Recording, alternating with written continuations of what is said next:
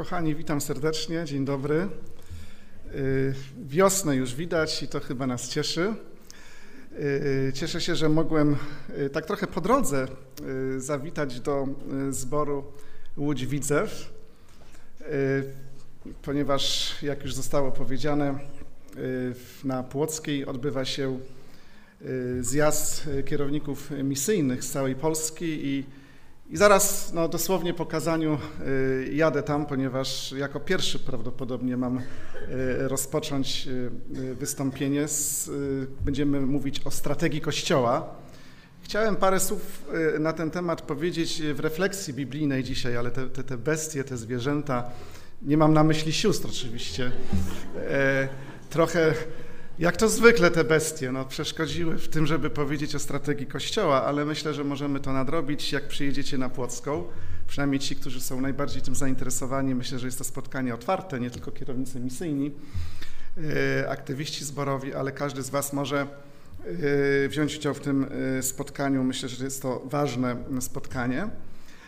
Cieszę się, że mogę zobaczyć wiele znajomych twarzy. Nie jestem w stanie wszystkich przywitać. Z niektórymi się przywitałem.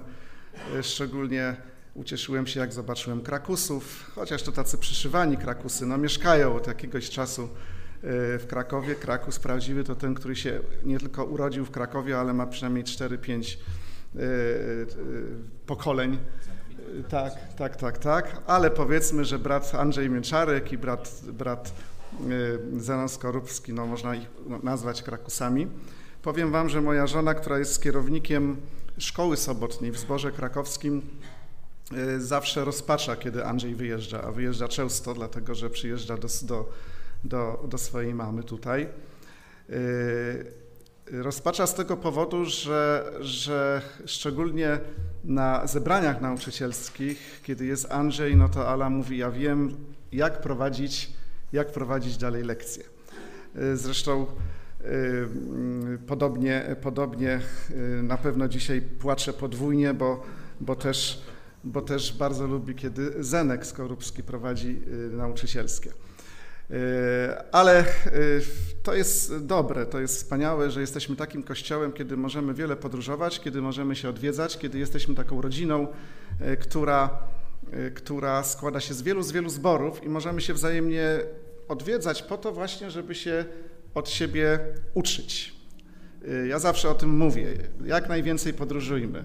Y, jeżeli tylko jest to możliwe, jeżeli zdrowie pozwala, środki, korzystajmy ze zjazdów, z kampów, y, nawet z jakichś, jeżeli mamy kontakty gdzieś za granicą, dlatego że, że naprawdę uważam, że adwentyzm jest czymś pięknym właśnie przez tą swoją różnorodność, przez to, że różne dary Pan Bóg dał Kościołowi po to, ażeby różnymi sposobami, w różnoraki sposób głosić, głosić Ewangelię. Y, mógłbym jeszcze więcej powiedzieć, oczywiście przekazać pozdrowienia i przekazuję je, ale no, pozwólcie, czas y, nam biegnie, więc na pewno nie mogę wymienić wszystkich, których bym chciał, chciał wymienić, więc po prostu pozdrawiam od wszystkich. Drodzy, dziękuję, dziękuję, dziękuję bardzo. Ale myślę, że osobiście możecie też przyjechać i, i się spotkać ze swoimi braćmi, siostrami. Y, byłem tutaj ostatnio, szybko ten czas leci, y, w styczniu 2016 roku, czyli trzy lata minęło. Trudno w to uwierzyć. Mieliśmy wtedy z żoną chyba drugie, y, drugą taką serię spotkań na temat rodziny, na, temat, na tematy małżeńskie, ale pamiętam, no, znaczy pamiętam, pewnie bym nie pamiętał, ale mam wszystko pozapisywane, y, że mówiłem mm, o przyjściu Jezusa Chrystusa w kontekście tego, co wydarzyło się y, na Górze Przemienienia.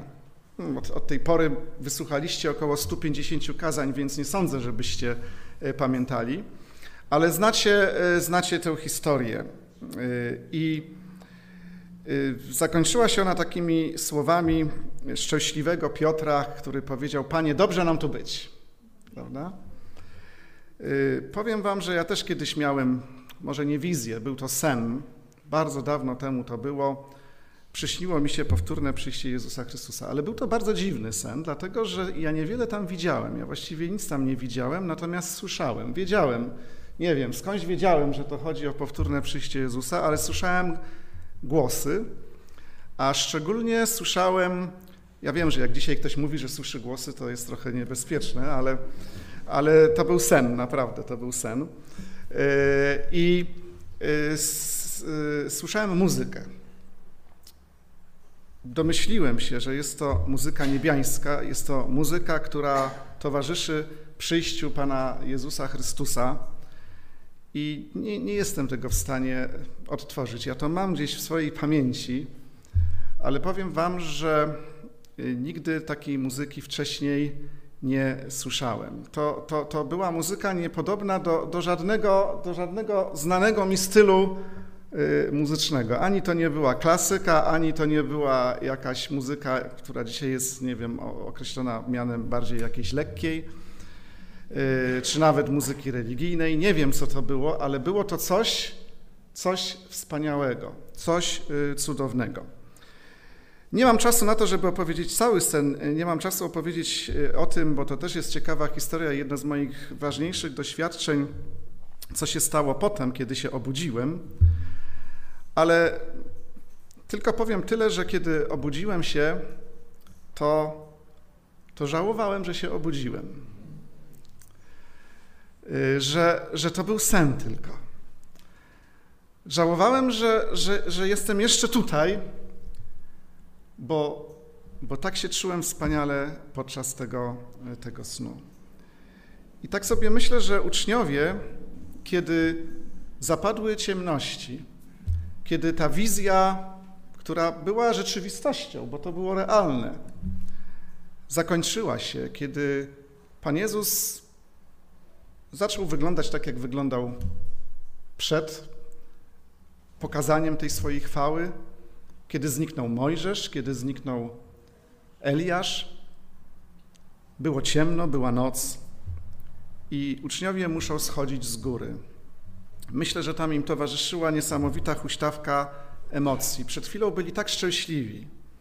Chcieli przebywać w namiotach razem z Jezusem, Mojżeszem i Eliaszem. Teraz jednak, zwłaszcza po tych słowach, które usłyszeli, bo tam był głos, domyślam się, pewnie potężny, niesamowity głos z nieba, pewnie też ten dźwięk głosu był zupełnie czymś, czymś nowym, jakimś nowym doświadczeniem. Głos z nieba, to jest syn mój umiłowany, jego słuchajcie. Oni zdali sobie sprawę z tego, z kim mają do czynienia i zlękli się. Jezus wprawdzie wzywa ich, mówiąc: Wstańcie, nie lękajcie się. Ale zniknięcie Mojżesza, zniknięcie Eliasza, otaczające ich ciemności, kontrast pomiędzy tą chwałą, której przed chwilą doświadczyli, i rzeczywistością, tą ziemską, normalną, zwykłą rzeczywistością, do której powrócili, z powrotem zaczął napawać ich lękiem. No i jeszcze w Ewangelii Mateusza w 17 rozdziale, wierszu 9 słyszał takie słowa, kiedy schodzili z góry Jezusa, który mówi: Nikomu nie mówcie o tym widzeniu. No, nienaturalne, prawda? Polecenie. Ja bym pewnie chciał się ze wszystkimi podzielić czymś takim. Cóż to byłaby za refleksja biblijna, cóż to za apel ewangelizacyjny, gdybym mógł o tym powiedzieć. A Jezus mówi: Nie mówcie o tym widzeniu, aż syn człowieczy zostanie wskrzeszony z martwych, czyli jeszcze nie pora. Y, dziwne, Pan Jezus zakazuje mówić o widzeniu, które przecież było radosnym, cudownym wydarzeniem. My to pewnie dzisiaj rozumiemy z perspektywy naszej znajomości Ewangelii, tego co jest później napisane. Ale z drugiej strony też wiemy, że uczniowie nie byli tak całkiem gotowi na to wszystko, nie wszystko rozumieli. Y, może pamiętacie ten epizod, że zanim uczniowie zobaczyli Mojżesza i Eliasza, to spali. Oni zasnęli tam na tej górze przemienienia, co zdarzało im się dosyć często w ważnych momentach. A w momencie, kiedy spali, to Pan Jezus rozmawiał z Mojżeszem i, i Eliaszem o hańbie, która ma go spotkać. Oni przespali ten moment. Oni zobaczyli chwałę Jezusa, ale o tym nie słyszeli. Czy byli tego świadomi, czy nie? Powinni być świadomi, dlatego że wiemy, że wcześniej w Ewangelii Mateusza w 16 rozdziale, y, po tym y, słynnym wyznaniu y, Piotra, kim jest Jezus, Jezus wyraźnie powiedział, że zostanie wydany, że wiele wycierpi z rąk arcykapłanów uczonych w piśmie, że, że zostanie zabity i zmartwychwstanie. A jednak według opisu z Ewangelii Marka 9 e, rozdziału, 10 wiersza, choć e, uczniowie zachowali to słowo u siebie, zastanawiali się między sobą, co to znaczy powstanie z martwych, czyli wiedzieli, oni słyszeli te słowa, zdali ich treść. Nastąpi zmartwychwstanie, umrę i zmartwychwstanę. Ale zaczynają się zastanawiać, co to znaczy powstanie z martwych. Tak się zastanawiam, czy my czasami nie jesteśmy podobni, czy my czasami nie operujemy pewnymi pojęciami, których nie rozumiemy, albo odwrotnie, czy operujemy pojęciami, które rozumiemy. Czy w ogóle rozumiemy to, co mówimy? Oczywiście wiara niekoniecznie musi być zawsze połączona z rozumem, chociaż e, Pismo Święte wzywa nas do tego, żeby nasza wiara była rozumna, łączy to jedno z drugim. I, i, i często y, prowadząc różne wykłady, nauczając Ewangelii, dzisiaj również mieliśmy to, y, no, odwołujemy się do pewnych argumentów racjonalnych, historycznych. Ale czy czasami nie operujemy sloganami? Ja się na tym nieraz łapię i powiem Wam, że, że staram się, nie jestem Większość może z Was wie, że ja nie, nie, nie urodziłem się w tak zwanej rodzinie adwentowej. Y, przyszedłem do kościoła w wieku 22 lat. Byłem rzymskokatolikiem, ale takim dosyć mocno zeświadczonym. Y, I dalej lubię słuchać i przysłuchiwać się rozmowom ludzi.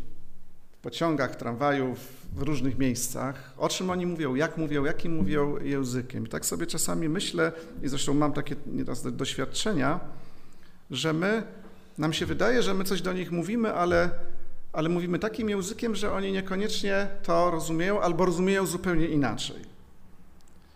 Ja nie chcę powiedzieć, że to jest slogan, ale czasami to tak wygląda. Mówimy: Przyjmij Jezusa do swojego serca. Rozumiemy o co chodzi. Może rozumiemy, może nie, może my też nie rozumiemy. Ale co to dla dzisiejszego człowieka znaczy: przyjmij Jezusa do swojego serca? Podążaj za Jezusem. W ogóle to słowo podążaj, już niektórzy nawet w niektórych e, e, kabaretach się e, wyśmiewają z tego języka religijnego. No po prostu się dzisiaj, dzisiaj się chodzi, idzie nawet. Czytamy, że Pan Jezus powiedział, chodź za mną, a nie podążaj. Taki, taki, używamy nieraz takiego patetycznego języka bardzo. Czy przyjąłeś już Jezusa?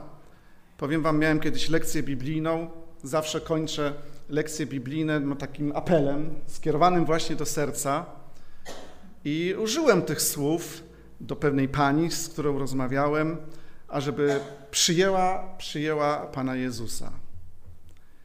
I kiedy spotkaliśmy się następnego razu, ona ledwo otworzyła drzwi, uśmiechnięta, mówi: Pastorze, ja przyjęłam Pana Jezusa. Ja sobie myślę: chwała Bogu, wspaniale.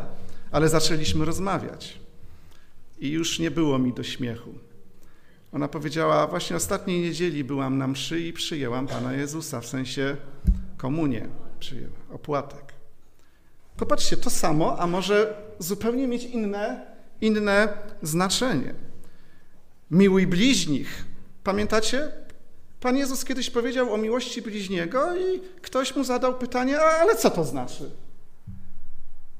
Zupełnie miał inną definicję bliźniego. Pan Jezus za pomocą dopiero przypowieści o miłosiernym Samarytaninie zdefiniował, kto jest, kto jest bliźnim. Mówimy do ludzi nie grzesz.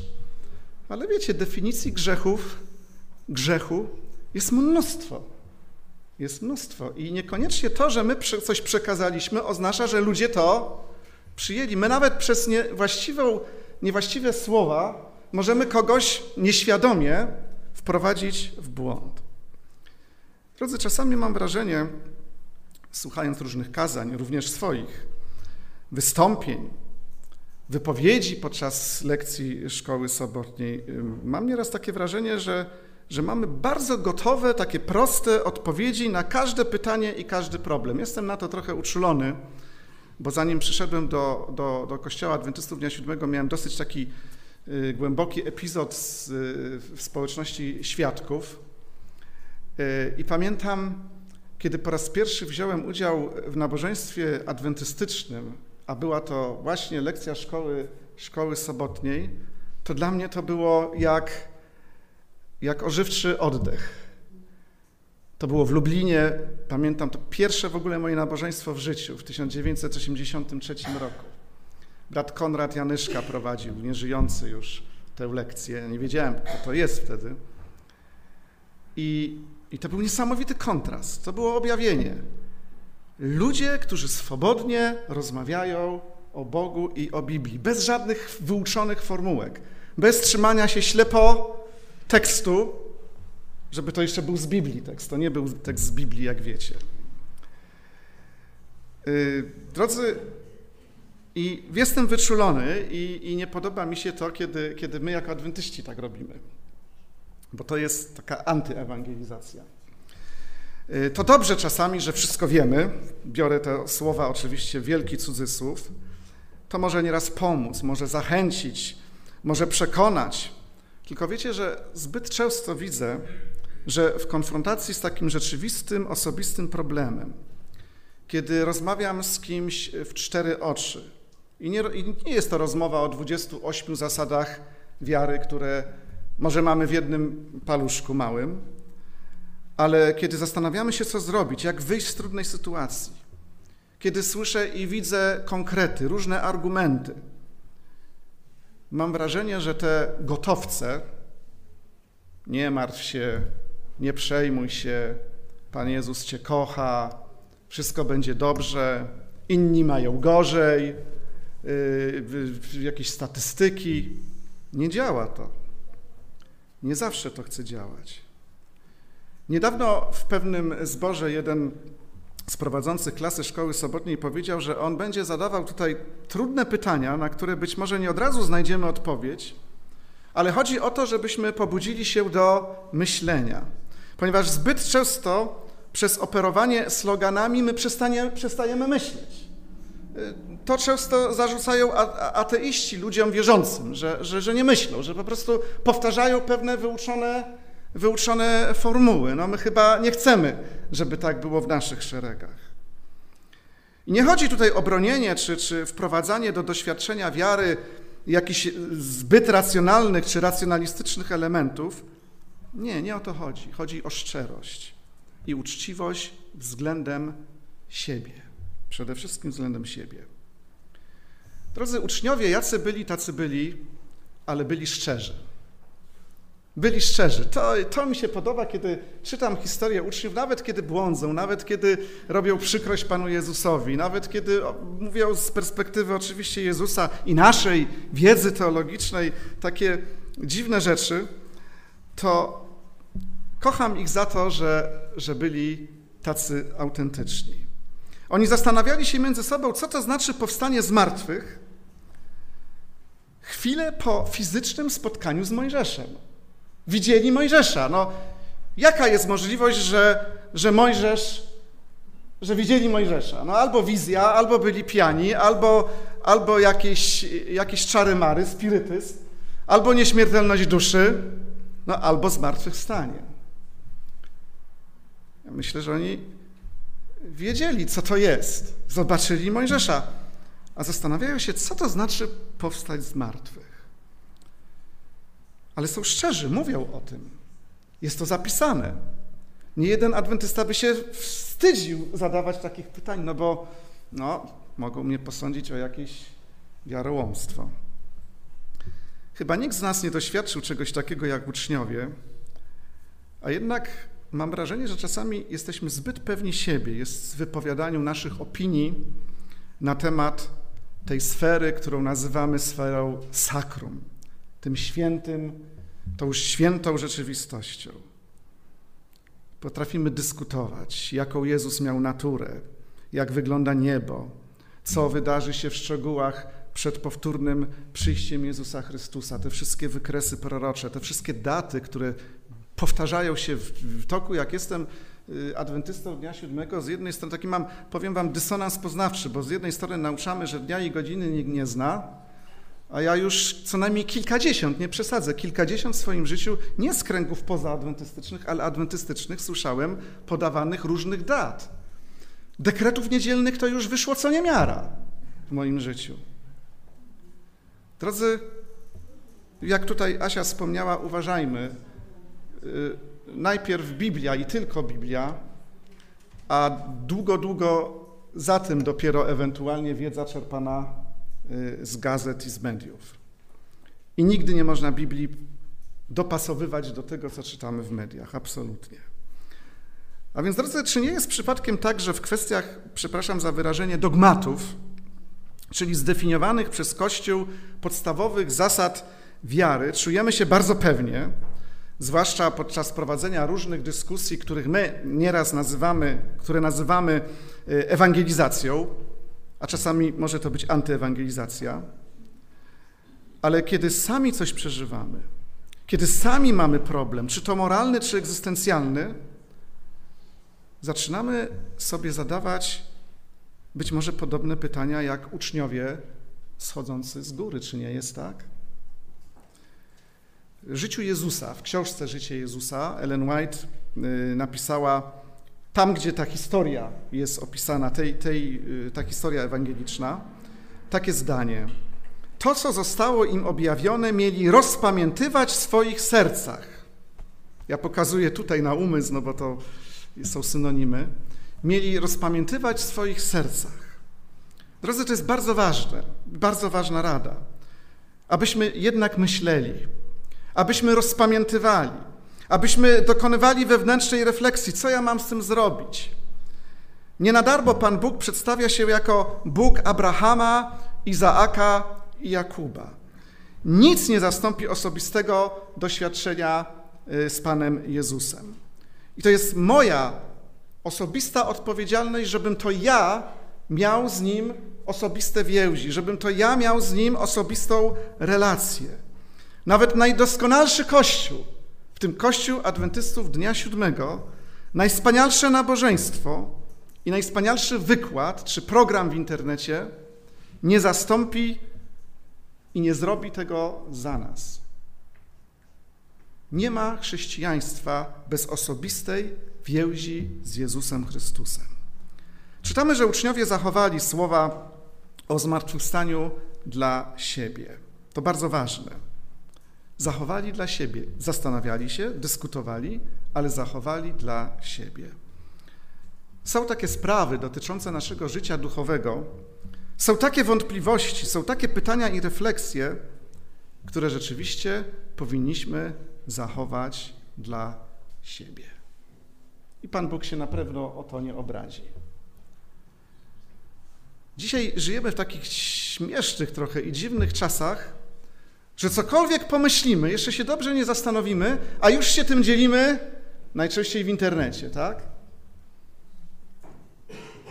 I zmieniają nam się te poglądy, zmieniają nam się opinie, i czasami nawet o tym zapominamy, ale ten internet no, jest taki zły i to, to ma do siebie, że to już tam zostanie.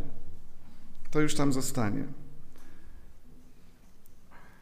Yy, mamy nieraz takie mylne pojęcie na temat ewangelizacji, że trzeba się dzielić natychmiast wszystkim tym, co wiemy i co czujemy. Kiedy byłem młodym pastorem, to, to, to, to mój klasyczny apel, jeszcze tak się wtedy mówiło, apel ewangelizacyjny, to wyglądał na tym, mniej więcej w ten sposób, że wychodziłem no wiadomo, no, jako pastor jeszcze na samym początku to była głównie praca kolporterska, od domu do domu chodziłem z plecakiem, z książkami w miejscowości Olkusz. A więc było dużo tych rozmów, dużo spotkań. Jeszcze nie miałem samochodu, więc jeździłem autobusem. W autobusie była możliwość również kolportowania albo rozmawiania z ludźmi. No więc y, apel ewangelizacyjny wygląda, wyglądał mniej więcej tak. Bracia i siostry, miałem ciekawe w tym tygodniu spotkanie w autobusie. Było 10 minut, 10 minut miałem czasu do końcowego przystanku. Nawiązała się rozmowa z pewną panią i muszę wam powiedzieć, że powiedziałem jej wszystko. I byłem dumny z tego. Powiedziałem jej wszystko. I to był majstersztyk, nie? Powiedzieć o 17 rozdział Księgi Daniela, który dzisiaj trwał y, godzinę i 10 minut prawie, tak? Powiedzieć w 10 minut. Wszystko powiedziałem. I o Marii, i o papieżu, o wszystkim. Drodzy, nie obchodzi nas w tym momencie rozumienie, nie obchodzi nam odczuwanie innych ludzi, ale brutalnie bardzo często wchodzimy w ich życie, taranując naokoło i powodując straty. Ja mówię o tak zwanych pierwszych, ja nie mówię o, o osobie, która jest na 25 lekcji biblijnej, nie? tylko ja mówię o, o, osobie, którą widzę pierwszy i być może to będzie jedyny raz w życiu i, i to będzie może jedyny kontakt yy, w życiu. Jedyna możliwość tej osoby spotkania się z kim? Z adwentyzmem? Z Jezusem. Co wyniesie z tego spotkania? Jezus tam na górze zaleca, aby uczniowie nie dzielili się tak dla nas dzisiaj jasną i podstawową prawdą o zmartwychwstaniu. My wiemy, no, bo jeszcze nie czas i tak dalej, ale tak powiedział, nie dzielcie się tym w tym momencie. Czyli wziął pod uwagę pewne okoliczności. Chętnie natomiast Pan Jezus odpowiada na inne pytanie uczniów o Eliasza, a właściwie o powszechnie wtedy lansowane przez uczonych w piśmie, czyli ówczesnych teologów, proroctwo, że najpierw ma przyjść Eliasz. I w Ewangelii Marka w 9 rozdziale, wierszu 12 i 13 on odrzekł im, Eliasz wprawdzie przyjdzie najpierw i wszystko naprawi, ale jakże napisano o Synu Człowieczym? Musi wiele ucierpieć i za nic, za nic być poczytanym. Ale powiadam wam, że i Eliasz przyszedł i uczynili mu, co chcieli, jak o nim jest napisane. I w końcówce wiersza 12 w Ewangelii Mateusza 17 y, rozdziału Pan Jezus dodaje do tej wypowiedzi słowa taki syn człowieczy ucierpi od nich. A w wierszu 13 czytamy wtedy zrozumieli uczniowie, że mówił do nich o Janie Chrzcicielu. O, jest coś, co uczniowie zrozumieli. Nie zrozumieli martwychwstania, ale zrozumieli to. Wydawałoby się o wiele bardziej skomplikowane. Tak? To jest tak jak to proroctwo dzisiaj z 17 rozdziału. Był Eliasz, jest, jeszcze przyjdzie. Ta odpowiedź Pana Jezusa zapewne miała im rozświetlić sprawę zmartwychwstania, ale to, co usłyszeli o Eliaszu, korespondowało z tym, co Eliasz i Mojżesz, o czym Eliasz i Mojżesz rozmawiali z Jezusem na górze przemienienia. Jan Chrzciciel, jako obiecany Eliasz, przed przyjściem Jezusa, Eliasz przed przyjściem Jezusa ma cierpieć tak jak Eliasz. To cierpienie Eliasza, Jana Chrzciciela zakończyło się śmiercią. I uczniowie słyszą, że i Mesjasz będzie cierpiał. I okupi swoje przyjście na ten świat swoją haniebną śmiercią. Czy to jest możliwe? Hmm, myślę, że nie muszę tutaj poświęcać za wiele czasu na to, aby mówić, jaka, jakie były koncepcje mesjanistyczne y, uczniów w tamtym czasie, Żydów w ogóle. Cierpiący Mesjasz? Absurd. Czy to możliwe?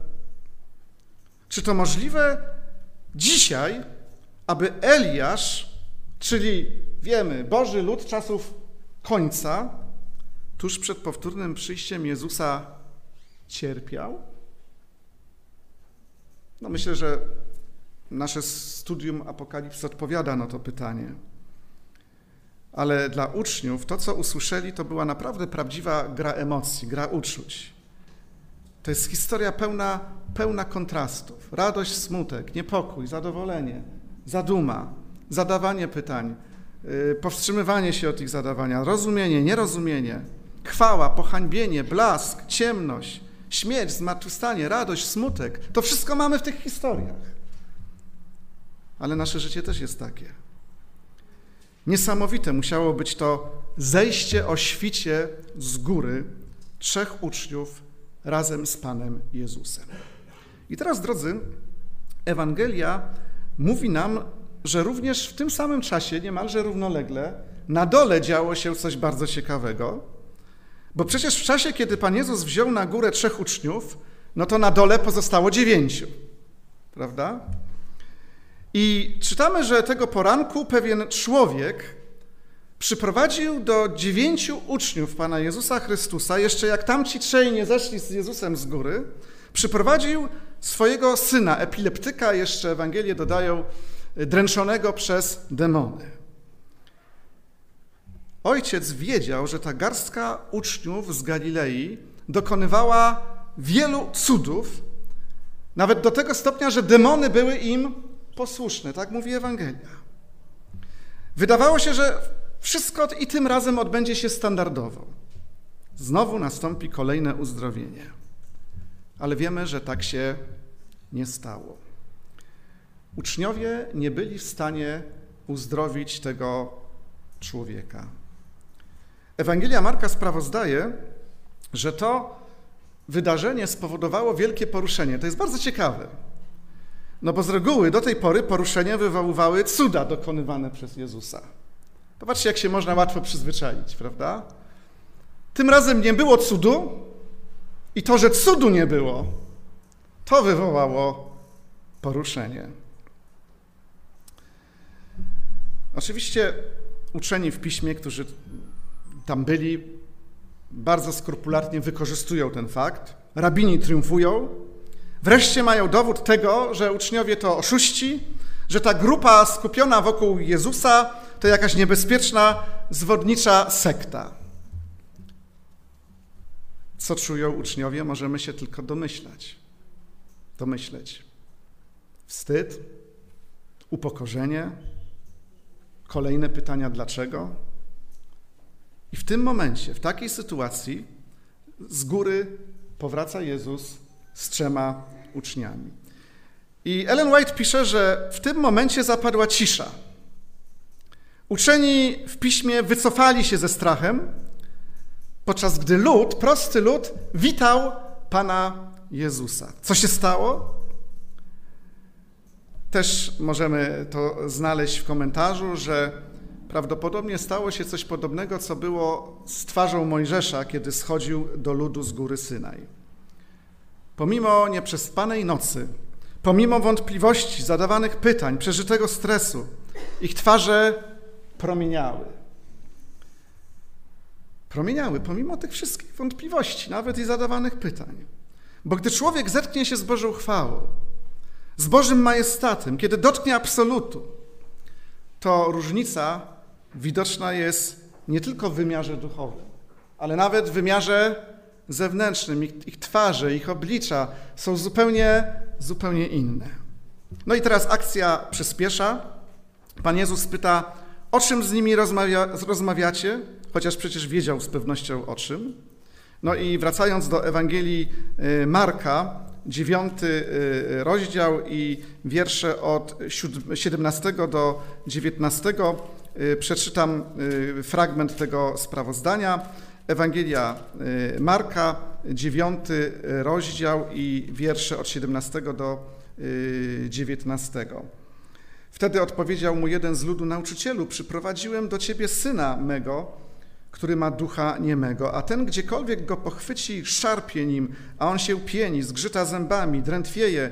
I mówiłem uczniom twoim, aby go wygnali, a oni nie mogli a on im odrzekł, mówiąc: O rodzie bez wiary, jak długo będę z wami? Dokąd będę was znosił?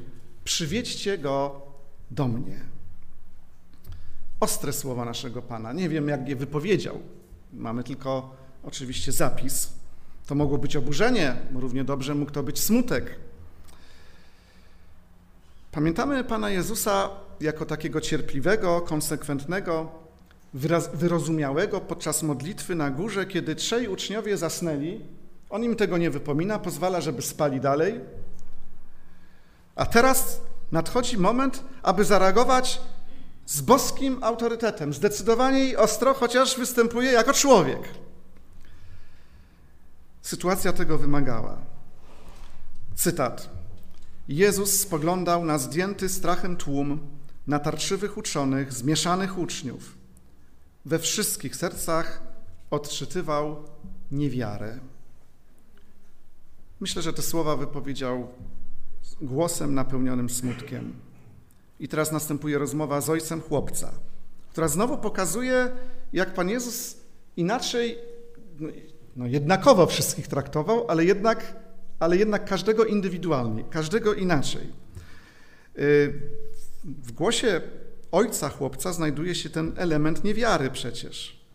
W wierszu 22 on mówi: Jeżeli coś możesz, zlituj się nad nami i pomóż nam. Jeżeli, jeżeli coś możesz. I Pan Jezus robi coś pięknego. Odnosi się do tych słów nieszczęśliwego ojca, wręcz cytuje je, podejmuje z nim dyskusję, chce skierować jego wzrok na coś, co jest najważniejsze i w wierszu 23 wypowiada te słowa, co się tyczy tego, tego co powiedziałeś, jeśli, jeśli coś możesz, to wszystko jest możliwe dla wierzącego. Mógł przecież zgromić. Ty jesteś kolejny, który nie wierzysz. Nie masz wiary. O rodzie bez wiary. Następny przyszedł.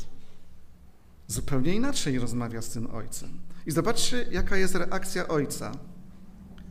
On mówi: Wierzę, pomóż niedowiarstwu memu. Jest tu jakiś ateista? Agnostyk? Gdyby był, to by zacierał ręce. Kolejny nonsens. Jak można wierzyć, powiedzieć, że wierzę i zaraz za chwilę mówić, pomóż, pomóż mojej niewierze? Trochę. A niektórzy dają ten przykład słynny, że nie ma, to zacytuję, przepraszam, yy, pastora, a nie, nie, nie będę mówił nazwiska, yy, że, że, że to jest tak jak z ciążą u kobiety, albo jest, albo nie ma. Nie może być trochę w, nie można być trochę w ciąży przecież, tak? Takie dajemy nieraz argumenty. To są właśnie te nasze proste rozwiązania. To są te nasze proste rozwiązania. Powiem wam, że dla mnie te słowa Ojca są objawieniem, są odkryciem, są pocieszeniem i nadzieją i, i, i zapamiętajcie te słowa, bo to jest najważniejsza, najważniejsze słowa tego kazania. Wierzę, pomóż niedowiarstwu memu. Drodzy, ile razy ja to słyszałem i sam to powtarzałem, przyznam się. Właśnie, że albo się wierzy, albo się nie wierzy. Że nie może być nic pośredniego.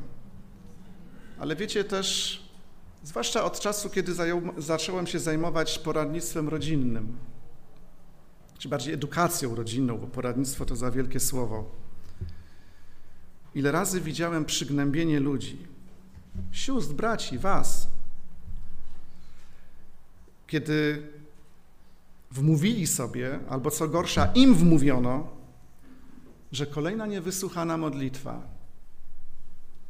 w sprawie na przykład bliskiej osoby, która odchodzi, która umiera, w sprawie męża porzucającego rodzinę, w sprawie dziecka, które, które nie postanowiło pójść za Chrystusem.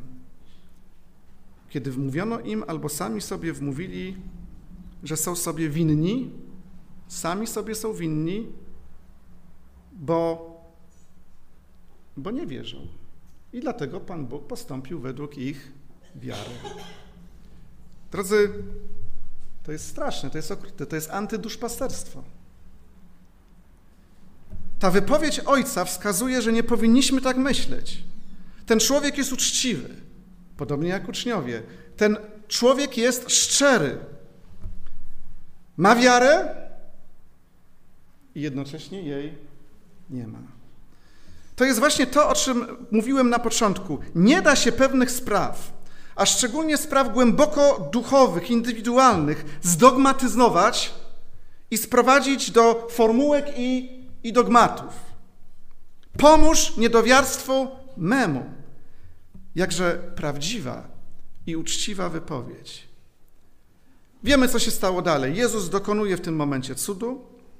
Uczniom nie daje to spokoju, pytają go na osobności, dlaczego my nie mogliśmy tego zrobić. Jezus odpowiada, że ten rodzaj nie wychodzi inaczej jak przez modlitwę, przez post.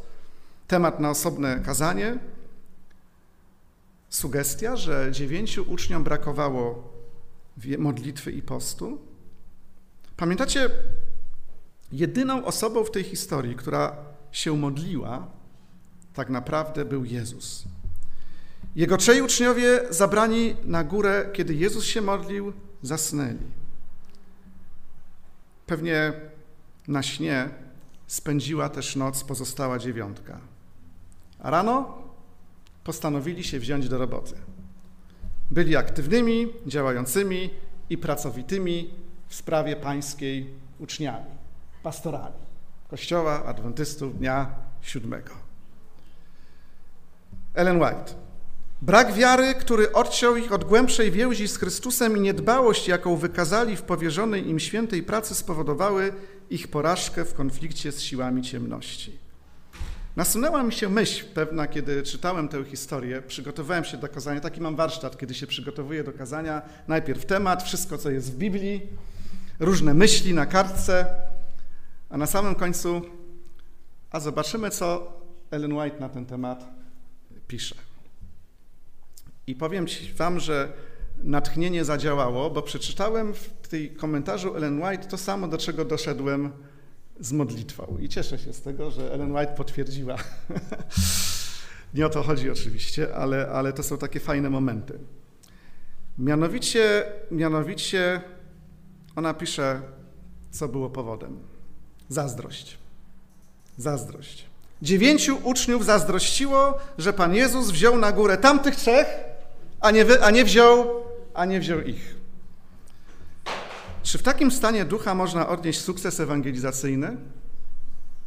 Czy nieposkromiona ambicja ludzi może i uzdolnionych, utalentowanych, dobrze zorganizowanych, ale zazdroszczących innym, że to nie oni zostali powołani, że to nie oni są w pierwszym szeregu, że to nie oni są przywódcami,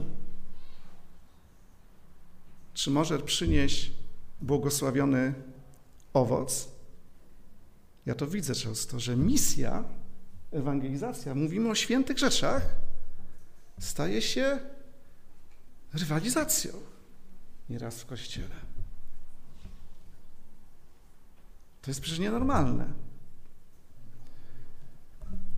Jedyne, ostatni cytat z, z życia Jezusa.